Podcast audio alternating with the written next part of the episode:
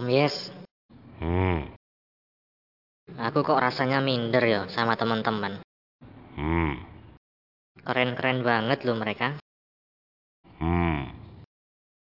Shinchenko itu pinter banget main musiknya. Hmm. Paula merdu banget suaranya. Hmm. Rojali banyak banget followernya tuh. Hmm. Lah aku Hmm. bisanya cuma bersih-bersih aja. Hmm. Belajar musik nggak mudeng. Hmm. Suara kalau nyanyi kok ya mesti fales. Hmm.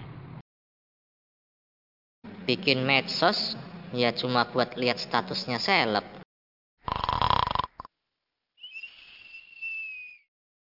Piye yo aku iki om?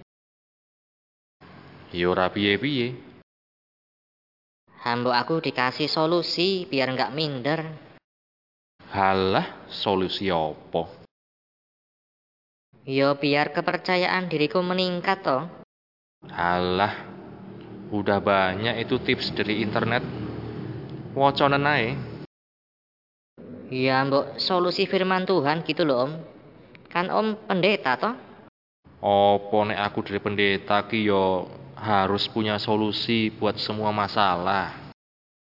Yo tapi kan Gini, Dul, piye om? sik to, tak ngomong sik. Oh iya iya iya.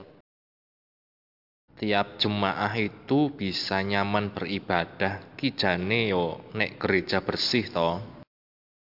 Hmm. Mbah iku pemusik, penyanyi, singer, WL, yang khotbah mesti yo nyaman nek gerejane resik to. Hmm. Orang yo bisa selfie-selfie di gereja yo karena ada yang bersih-bersih to. Hmm. Nah, yang bersih-bersih siapa? Saya saya. Oh, ya mulai sombong iki. Bukan cuma kamu toh. Ada orang-orang yang tidak kamu lihat yang juga bersih-bersih gereja.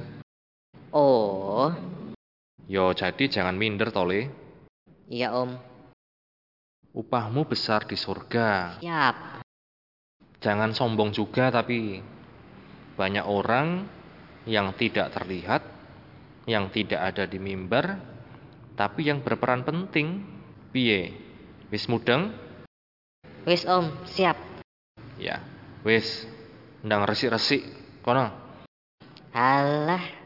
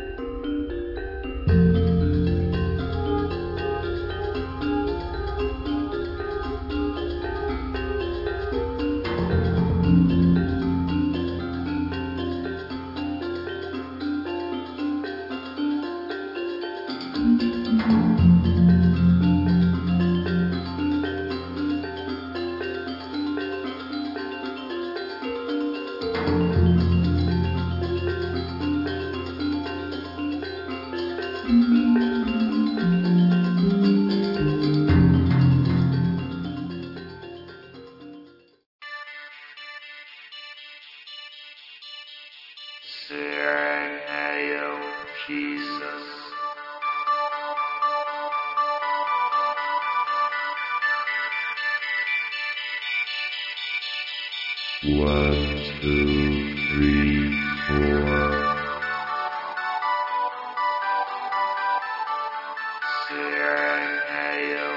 Peace.